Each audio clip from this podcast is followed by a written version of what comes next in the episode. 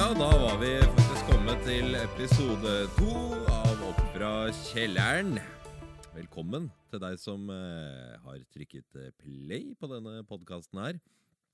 Nå har det jo gått ei snau uke siden første episode, og jeg må bare si til dere som har hørt den og gitt tilbakemelding, tusen, tusen hjertelig takk. Det var veldig koselig med så mange hyggelige tilbakemeldinger. Det jeg trengte den litt, for det er altså ikke så fryktelig enkelt å podde på egen hånd. Men nå blei jeg han derre onkelen igjen. Jeg skal prøve å skjerpe meg, men jeg driver og jobber ikke sant, med den der selvtillitsgreia, så det henger litt igjen at jeg, at jeg fortsatt må, må uh, unnskylde meg selv da, for alt jeg gjør. Men uh, når vi er framme i episode 5, 6, 27 eller noe sånt, så tenker jeg at den er borte. Så det er bare å venne seg til det. Så i dag så skal jeg prate litt om Fankeren, jeg må bare ta ut snusen, for det, det, blir altså så mumlete når jeg har den. Det er greit, jeg får bare gjøre det. Men i dag så skal jeg prate litt om eh, hva man på en måte bør og skal gjøre når noen rundt deg altså tilsynelatende har et problem.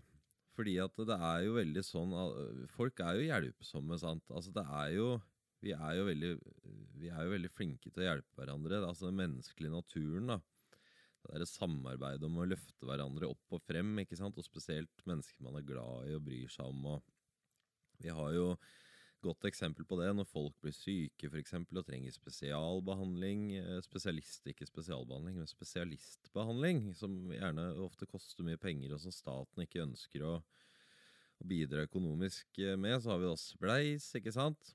Så, og dette her er jo en kjensgjerning. Vi driver med det mye. Å hjelpe hverandre opp og fram. Og det syns jeg er kjempebra. Og sånn er det ofte også når noen rundt deg sliter. Hvis du har en uh, kollega eller en mor eller far eller en onkel eller en bror eller en søster som tilsynelatende har et alkoholproblem, da, i det tilfellet her, så, så er man gjerne litt rådvill. Hva skal man gjøre da? ikke sant? Og det, det skal vi prate litt mer om uh, etterpå eh, når vi kommer til, eh, til, dagens spørsmål.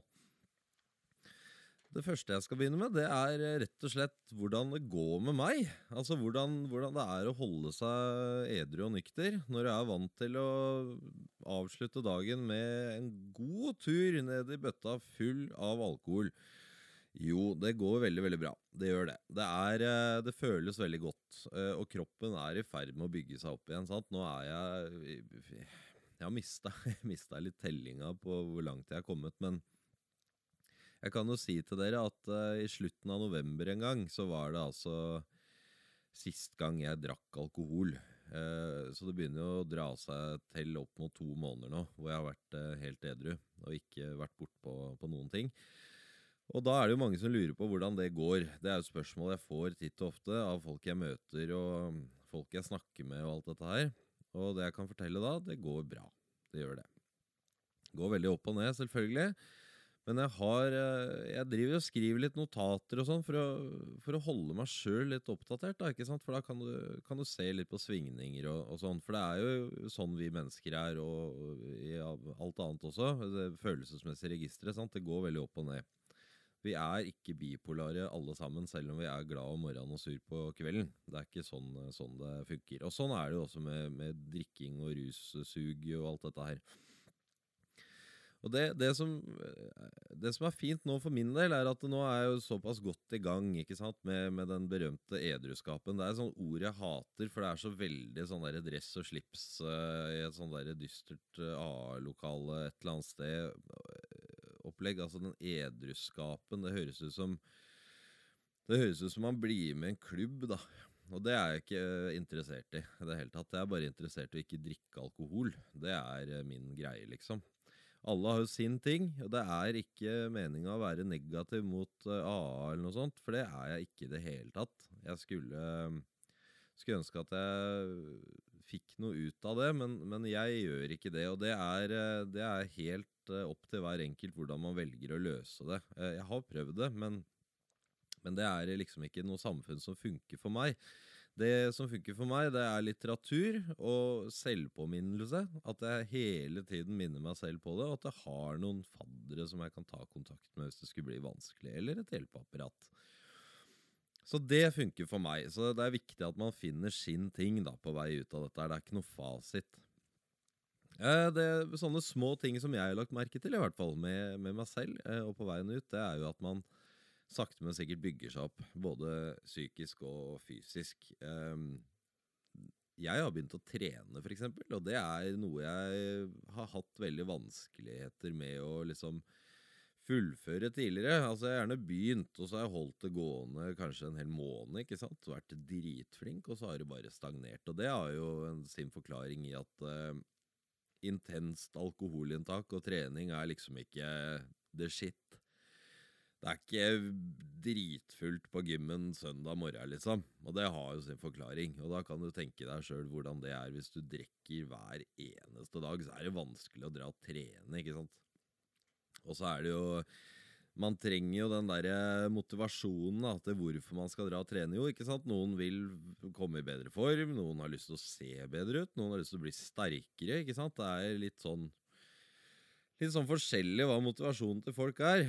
Men eh, hvis du drikker hele tida bryter deg selv ned, og, og, er klar over at du gjør det, så er det jo klart at da det, blir det bare bortkasta tid å trene, og sånn har det vært litt for meg, da. Men nå som jeg ikke drikker, så syns jeg det er kjempegøy. Og jeg prøver å variere litt. Jeg er ikke noe glad i å liksom løpe rundt når, joggeturer og sånn i kulda. Det er jeg ikke noe spesielt glad i, men jeg kan ta meg en skitur en sjelden gang. Hvis ikke så er det jo altså da treningssenter som er min ting, da. Og så er det jo litt med det sosiale, og man kommer litt på hils og nikk og sånn med de andre som er der, og det er jo litt viktig, det òg, for et slags fellesskap, da.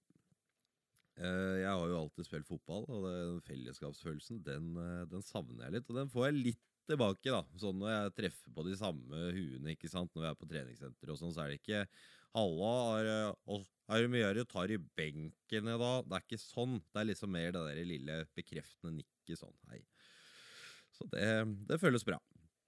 Men uh, sterkere psykisk og fysisk, ja, definitivt. Jeg uh, oppdager sider av meg selv også, som, er, uh, som har vært litt bortgjemt. jeg har jo alltid Jeg har alltid vært litt sånn derre Eller ikke alltid, ikke, definitivt ikke i ungdomstida, men de siste ti åra, da, kanskje. Altså fra starten av 20-åra og fram til jeg parkerte flaska nå, så, så har jeg jo slitt veldig med at jeg har hatt en ekstrem konfliktskyhet. Altså, det vil jo si at det her har jo gått utover, uh, utover, meg på en sånn måte at jeg heller ikke tør å si fra når jeg har meninger om ting. Altså Det kan være hva som helst. Det kan være jobbsituasjonen at man bør gjøre det sånn og sånn.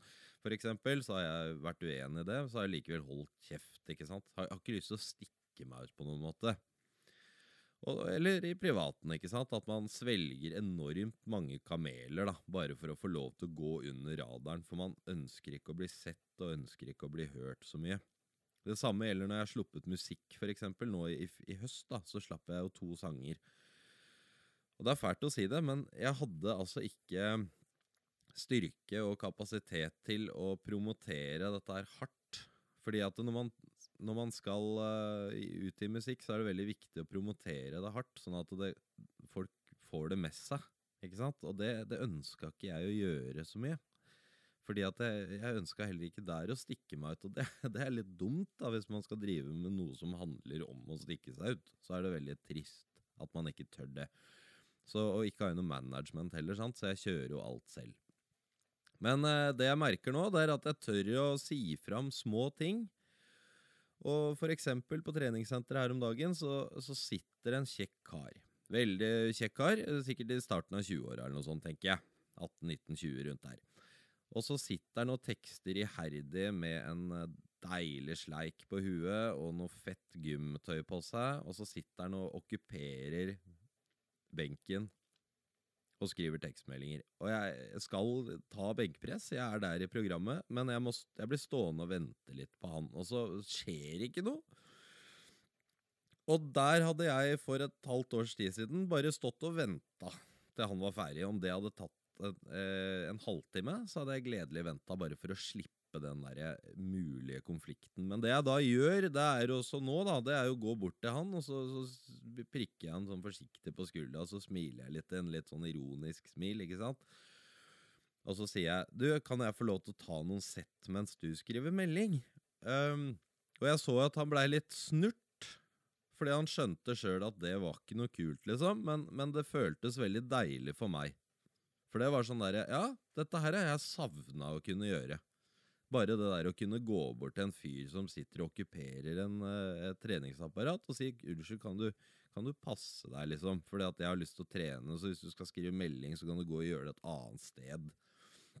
Og Det føltes veldig godt. Og så føles det veldig godt å, å føle Altså kjenne på de ekte følelsene. De der når du f.eks. er um, litt småirritert på noe. Uh, det kan være noe samboeren din har sagt, eller noen på jobben har sagt, eller bare det der Å, fy faen, det der var, det var noe dritt, liksom. Å kjenne på det. Ikke bare putte det i bøtta og drikke det bort om kvelden, men at man faktisk kjenner på det og tar det. Bearbeider den følelsen og blir ferdig med den. Tar en diskusjon med seg sjøl. Ja, det er sånn og sånn og sånn, og så ferdig. Det er veldig, veldig deilig. Det har ikke jeg gjort på mange, mange år, så her må jeg lære meg alt dette her.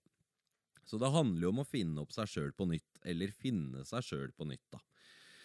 Eh, og så opplever jeg jo i stor grad at uh, mange små inntrykk, altså ting som jeg hele tiden har oversett Altså bare det der å, å, sitte med en av ungene sine og gjøre noe fint, da. Male eller se på en film, eller Og så tenke sånn Å, nå har vi det koselig. Og så kjenne på det. Det er heller noe jeg har vært elendig på tidligere, altså. Men det, det, får jeg til nå i større grad. da, Og det, det føles vanvittig godt, for at den blir med i den der evalueringspakka da, som jeg har på slutten av kvelden hver dag, hvor jeg liksom tenker litt gjennom dagen, åssen den har vært og, og, sånn. Og da kommer alle disse øyeblikkene. Jeg husker så mye mer fra dagen. Når den der alkoholen ikke ligger og opptar tankesettet mitt hele tiden. da.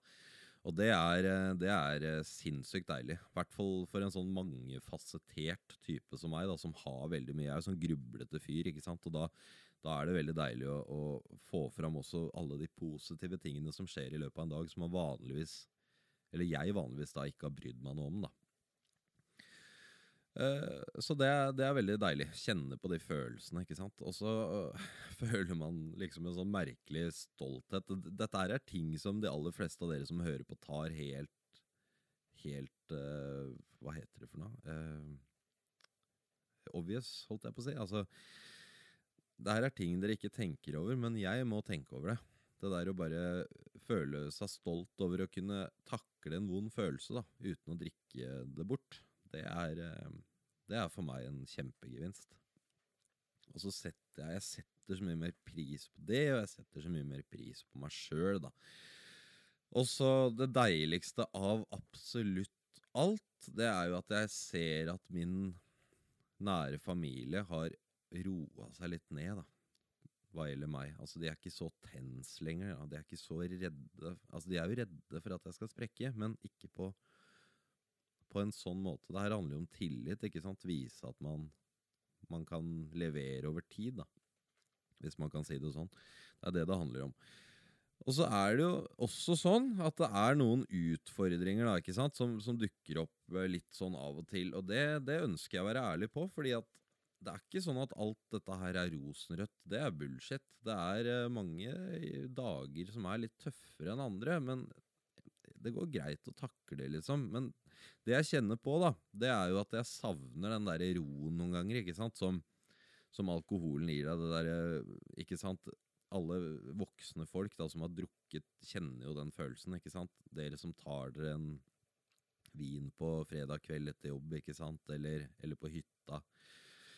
Dere får den derre mindfulnessen, da.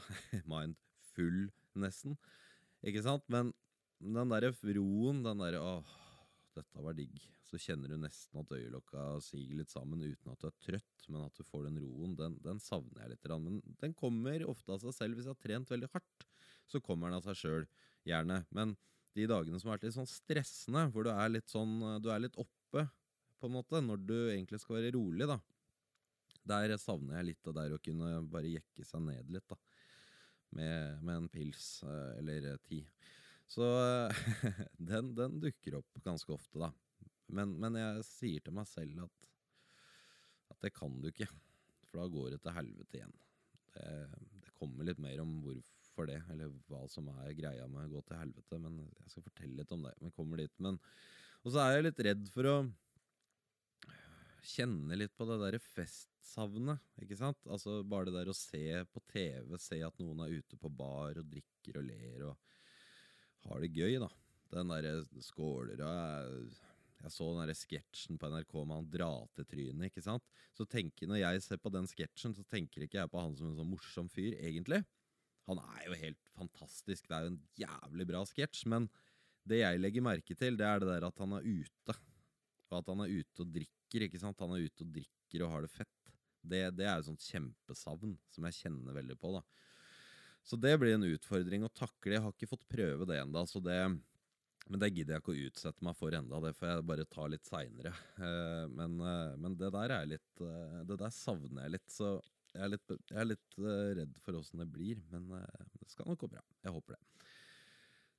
Og så er det andre ting som også dukker opp, som jeg av utfordringer som jeg ikke har tenkt noe på tidligere. For jeg har jo hatt en kjempehobby. ikke sant? Jeg har jo hatt et tidsfordriv all mass, og det er jo drikkinga. Og når jeg ikke har den lenger, så begynner jeg å merke at jeg sliter med å få tida til å gå når jeg er aleine.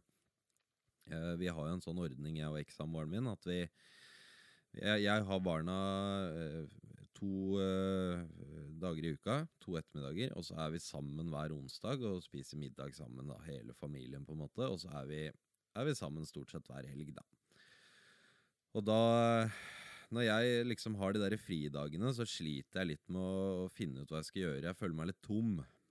Litt sånn hva faen skal jeg finne på nå? Jo da, jeg har et hjemmestudio og elsker å lage musikk og sånn, men det er ikke alltid man har lyst til å gjøre det. Og da, da er det litt der å lære seg å bare ikke gjøre noe, på en måte. bare sette seg ned og ikke gjøre noen ting uten å savne å ha noe å gjøre hele tida. For det er litt viktig for meg at jeg har noe å finne på. Så jeg får litt panikk, ikke sant.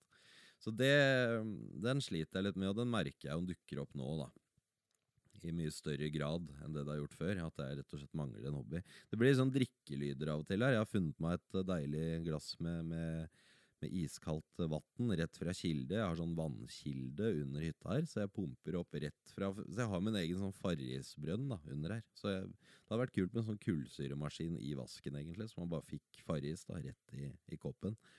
Så her kommer uh, slurken, ja. Mm. Det blir så uprofesjonelt, altså. Men, men. Sånn er det. Eh, en annen ting er jo at jeg kjenner jo på at jeg er litt sånn redd nå. Jeg begynner å kjenne litt på den redselen for å bli stående på stedet hvil. Ikke sant? Og det er at det ikke er noen progresjon da, i livet. At jeg er nødt til å se at ting blir bedre, og at det her har noe for seg. Annet enn at jeg er edru og får lov til å være sammen med familien min. For det er på en måte en sånn grunnleggende verdi å få lov til å være sammen med familien sin. ikke sant? Så det er veldig viktig for meg at jeg minner meg på hele tida at hvis jeg ikke Hvis jeg begynner å drikke igjen, så vil jeg ikke få den gulroten der her i livet. Da ikke sant? Da blir jeg han derre ensomme fyren som jeg er livredd for å ende opp med å bli. Så er det også noen altså Det er noen journalister som har spurt meg, og det er andre mennesker også som har spurt meg om hvorfor jeg føler meg så trygg akkurat nå, da. På å ikke sprekke. Og det har sin forklaring. Eh, og det har sin forklaring på hvordan den siste tida var, kontra hvordan den siste tida var forrige gang jeg prøvde å slutte å drikke. For forrige gang så, så var jeg bare jævla sliten av all drikkinga. Altså Det begynte å tære på kroppen, rett og slett, eh, og, og huet mitt. Jeg begynte å bli jævla sliten, og det kulminerte jo i en helvetes fest som igjen eh, jeg avslutta jo den fyllekula der, husker jeg, med å liksom stå opp på søndag og, og våkne til den der utilstrekkelige fyllesyken, og så reagerte jeg da med å rett og slett bare tømme et melkeglass med whisky og, og drikke en treliter med rødvin før klokka var to på formiddagen. Eh, og da fant jeg ut at dette her går jo ikke, ikke sant. Og da, da spurte jeg om hjelp, men nå er det helt andre grunner til at jeg Det her er mye mer alvorlig, det jeg fikk oppleve nå sist. Og den derre Altså Grunnen til at jeg føler meg tryggere nå, det er fordi at jeg bruk, bruker veldig mye tid på å reflektere tilbake til perioden jeg drakk så fælt nå sist. Og det er uh, den derre det derre stummende mørket jeg satt i, det var altså så jævlig. Og den derre ensomheten og utilstrekkeligheten som jeg følte, da. Altså, det er ikke til å overdrive om at jeg hadde daglige tanker om å avslutte meg sjøl, altså mitt eget liv. Og det, det blir du ganske gæren av til slutt, da. Ikke sant? For da, når du ikke finner noe positivt med din egen eksistens, så er det, er det mørkt. Og det var én grunn til det, og det var jo alkoholen, ikke sant. Men jeg så det ikke hele tida. Og så begynte jeg å forbanne meg så jævlig på slutten over at alkoholen plutselig ikke funka sånn som den alltid har gjort. For den har jo Alkoholen har alltid liksom gitt meg det derre puffet, da. Det positive puffet i riktig retning. Men uh, det her blei jo erstatta med at når jeg begynte å drikke, så blei det en sånn derre sorgtung og jævla mørk rus, da. Selv bare etter et par øl så blei jeg, jeg ble så deprimert. Og det, da, jeg husker en kveld så begynte jeg å gråte fordi at uh, jeg ikke fikk det der lille positive løftet jeg så gjerne hadde lengta etter gjennom den dagen.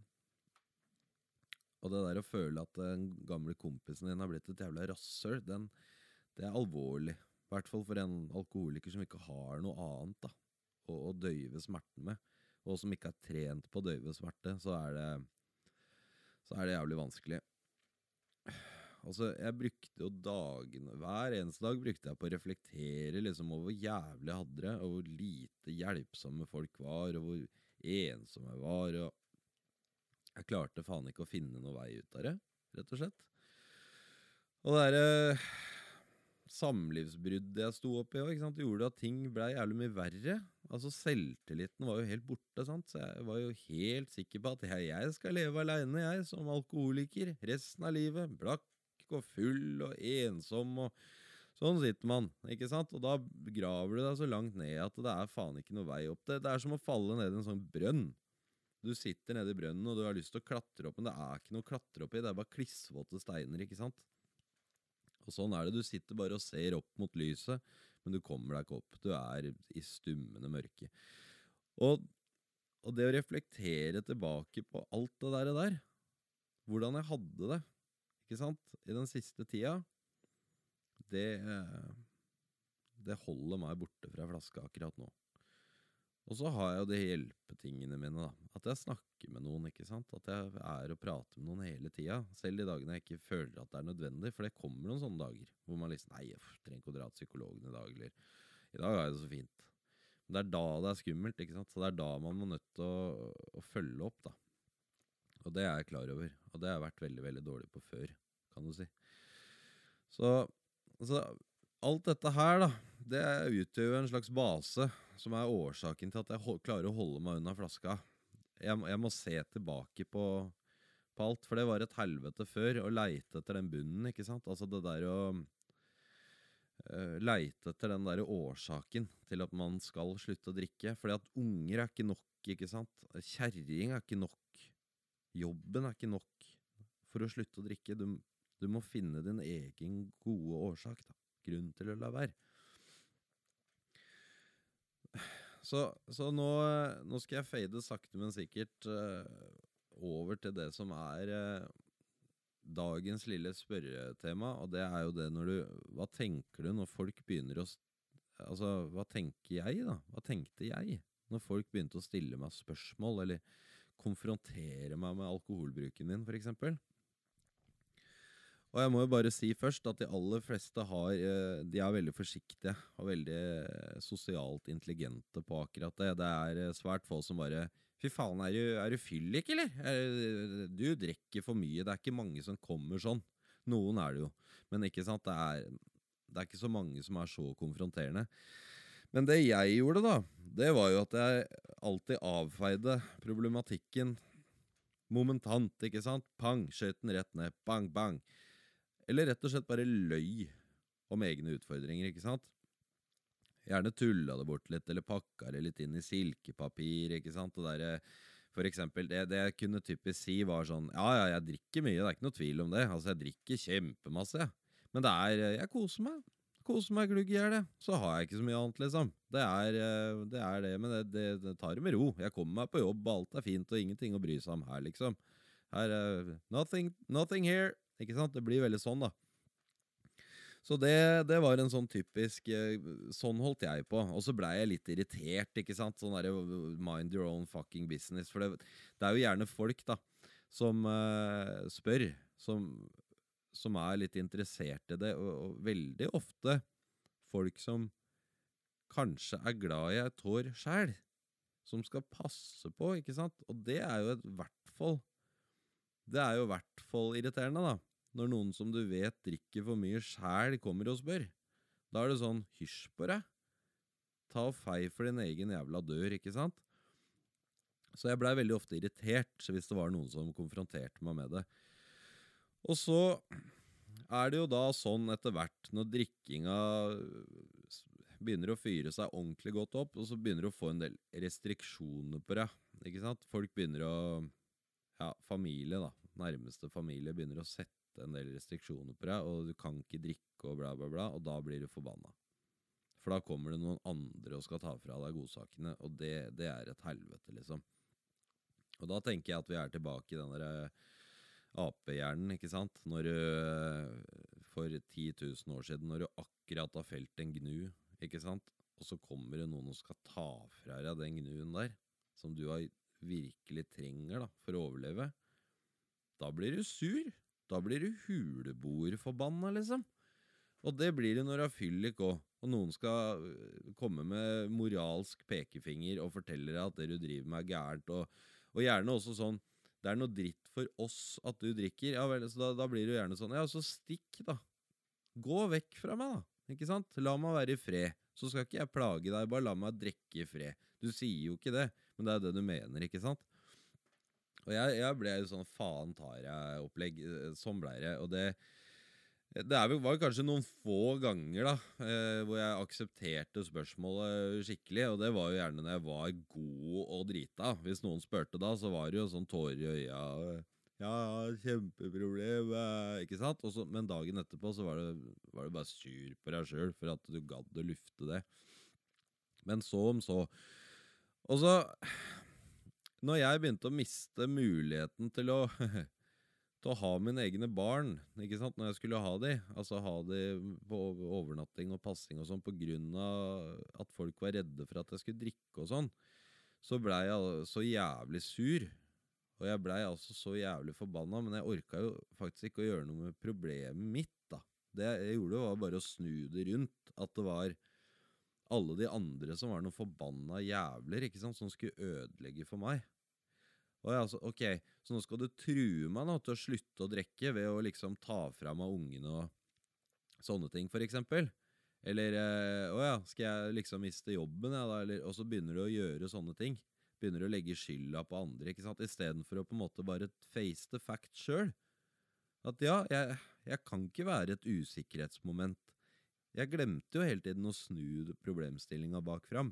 Ikke sant? Det å se for meg at min motpart da, i den saken der, da, eksempel hadde et rusproblem. Jeg hadde jo aldri tørt å sette unga dit, hvis jeg var redd for det. Men sånn tenker du ikke, du blir bare forbanna, og så sier du sånn som at eh, ja, hva faen er grunnlaget ditt å påstå det? grunnlaget er jo at man vet at motparten har et rusproblem, ikke sant? Men man ønsker fortsatt ikke å gjøre noe med det. Så da kommer altså sakte, men sikkert over til, til, dagens spørsmål. Og det er en eh, Jeg fikk en e-post av en bekjent som hadde følgende å fare med. Jeg lurer på om en kollega av meg har et alkoholproblem. Jeg har lenge hatt et ønske om å konfrontere hen med det, men hvordan i huleste skal jeg gå fram? Mistankene mine strekker seg faktisk ganske langt tilbake, hvorpå henne møtte på jobb, blank i øya, prata mye surr, og noen ganger kunne jeg faktisk kjenne lukta av alkohol. Det var helt klart verst i de tidene jeg visste at det var litt tøft på jobb for henne. Da kom eh, vedkommende på jobb blank i øya, prata bare rør, og det luktet noe. Andre forhold som styrker mistanken min, er hvis jeg ringer hen en kveld eller hen, til meg. Vedkommende snøvler, og jeg hører at uh, vedkommende er dritings, uavhengig av hvilken ukedag.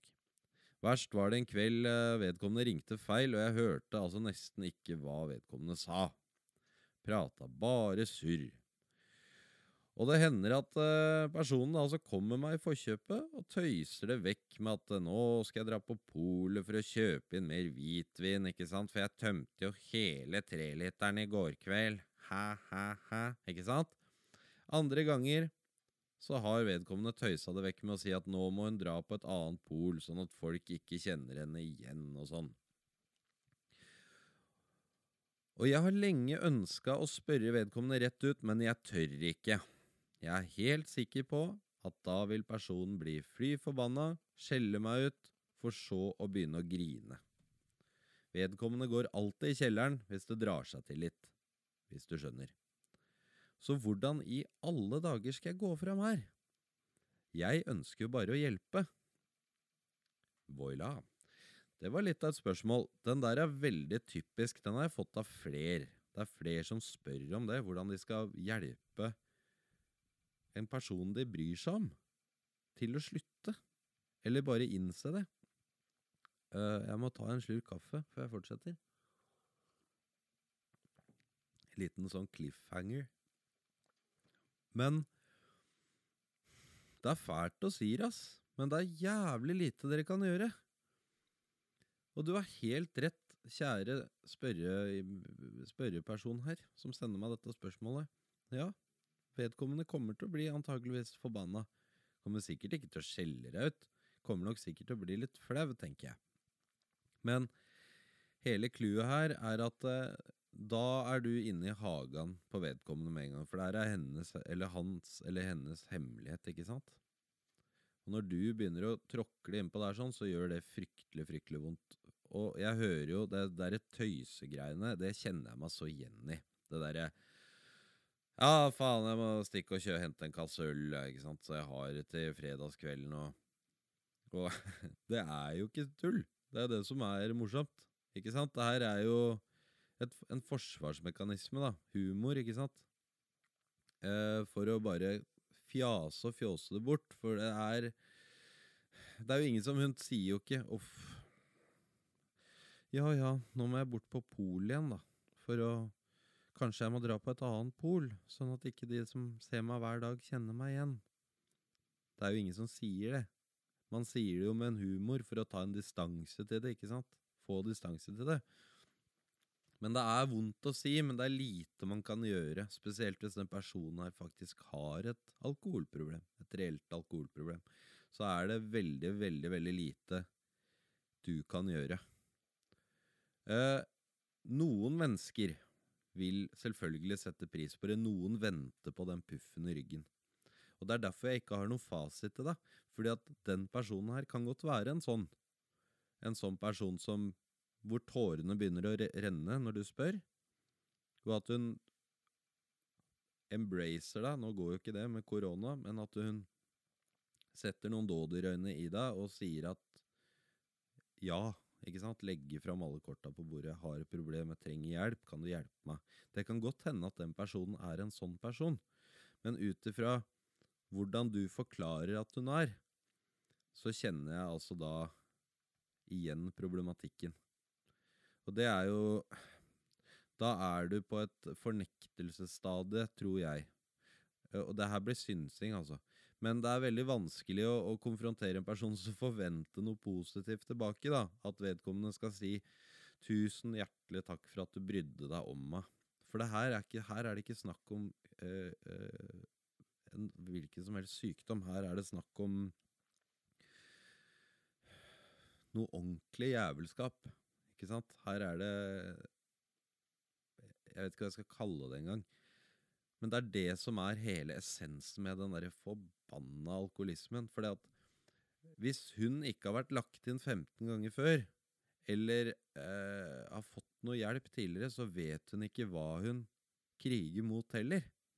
Ikke sant? Det er jo det vanskeligste. Hun, hun vet jo ikke hva dette her eh, dreier seg om, hva som er problemet. Kanskje ikke hun vet at hun har et problem engang. Hvordan skal hun da forholde deg til at du da eventuelt gir hun et problem? Det er jo kjempevanskelig å takle. Så Hva skal man si? Det er vanskelig å svare på. Jeg har ikke noe kjempebra svar til deg. Eh, jeg er jo en sånn person som er veldig opptatt av Har alltid vært veldig opptatt av hva andre skal synes og tenke om meg.